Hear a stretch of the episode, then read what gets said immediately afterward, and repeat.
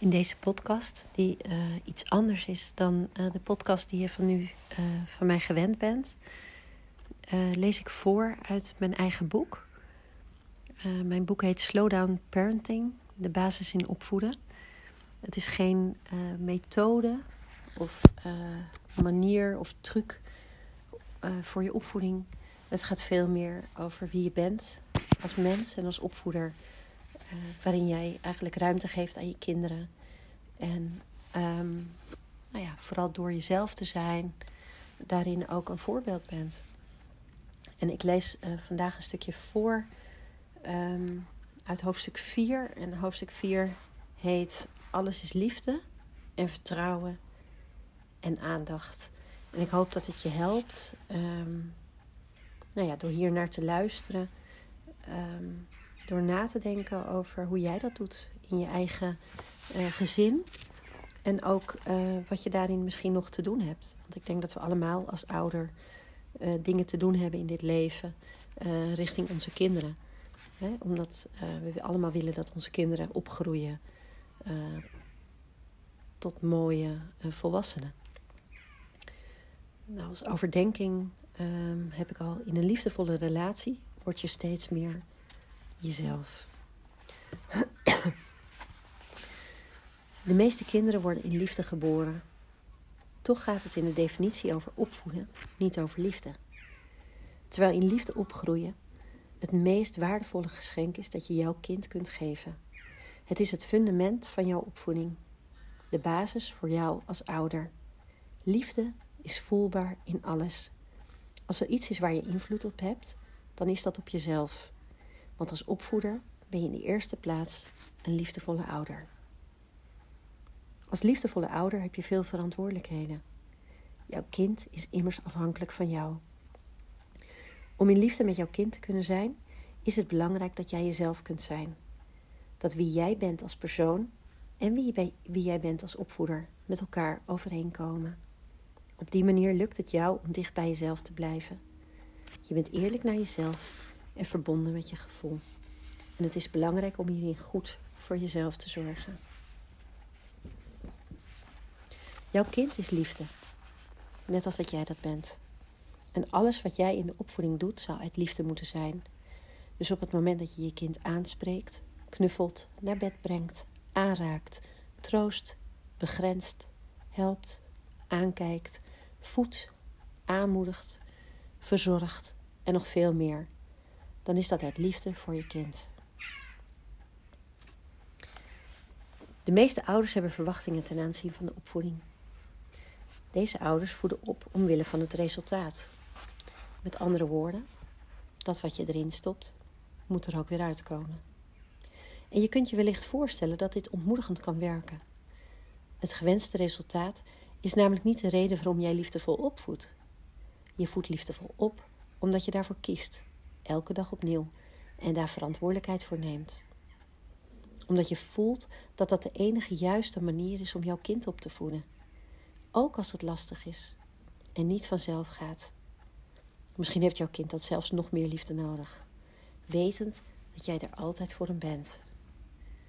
Liefdevol aanwezig en op gepaste afstand, zodat jouw kind zich vrij kan ontwikkelen. Ik deel in dit boek een eigen ervaring die ik ook nu zal voorlezen. Mijn zoontje was net vier toen hij mij vroeg om zijn zijwieltjes van zijn fiets te halen. Ik dacht dat hij wilde leren fietsen zonder zijwielen en stimuleerde hem. In plaats daarvan werd hij boos en keek hij twee weken niet naar zijn fiets.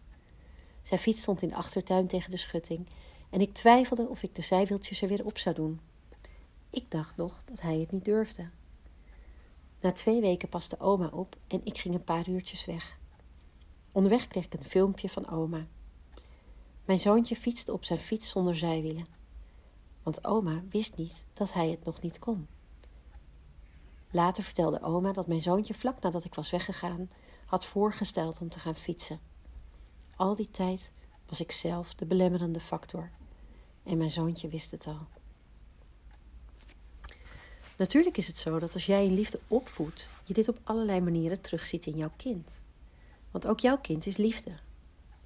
Echter is dat geen doel op zich. Liefde is een fundament Liefde is het fundament om tot ontwikkeling te komen, zoals de zon in de natuur licht en warmte geeft om te groeien. En op het moment dat er, dat er verwachtingen zijn, ontstaat er voorwaardelijkheid. De liefde die je als ouder geeft en bereid bent te geven, is dan gericht op het resultaat. Er zijn als het ware voorwaarden aan verbonden. En daarentegen is het loslaten van verwachtingen een manier om te komen tot onvoorwaardelijke liefde. Dat is de liefde zoals deze bedoeld is tussen het ouder en kind.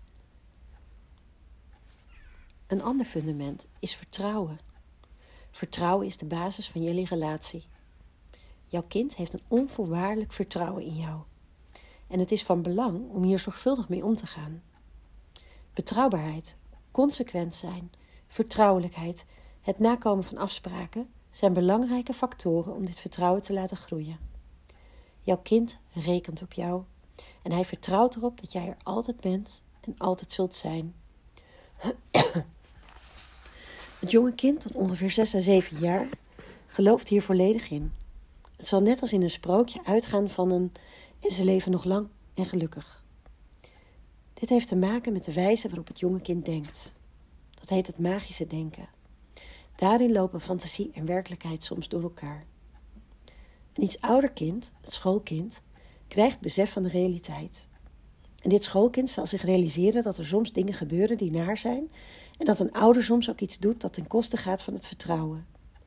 Bijvoorbeeld als je later dan afgesproken op school bent. Dat overkomt je als ouder zonder dat je dat wil. Het ideaalbeeld van jou als ouder verandert dan meer in een realistisch beeld. Sommige kinderen maken in een jonge leeftijd iets mee, waardoor zij eerder dan leeftijdsgenootjes in deze realiteitsfase terechtkomen. Dit kan verwarrend zijn. Op het moment dat er iets misgaat en jij het vertrouwen van je kind onbedoeld beschaamt, is het belangrijk dat je dit serieus neemt. Ook als het in jouw ogen om iets kleins gaat. Het erkennen van de gevoelens van jouw kind, jouw bewustzijn en het herstellen van vertrouwen is dan belangrijk. Het is belangrijk dat jij als ouder ook vertrouwen in jouw kind hebt, in wie het is als persoon en in wat het kan. Bijvoorbeeld als het gaat om iets zelfstandig willen doen.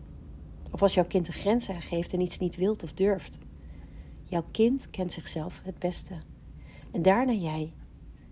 Jouw kind heeft namelijk een innerlijke wijsheid waar het uit kan putten. En als het jou als ouder lukt om hier met vertrouwen mee om te gaan, zal jouw kind zijn innerlijke kompas leren gebruiken als raadgever.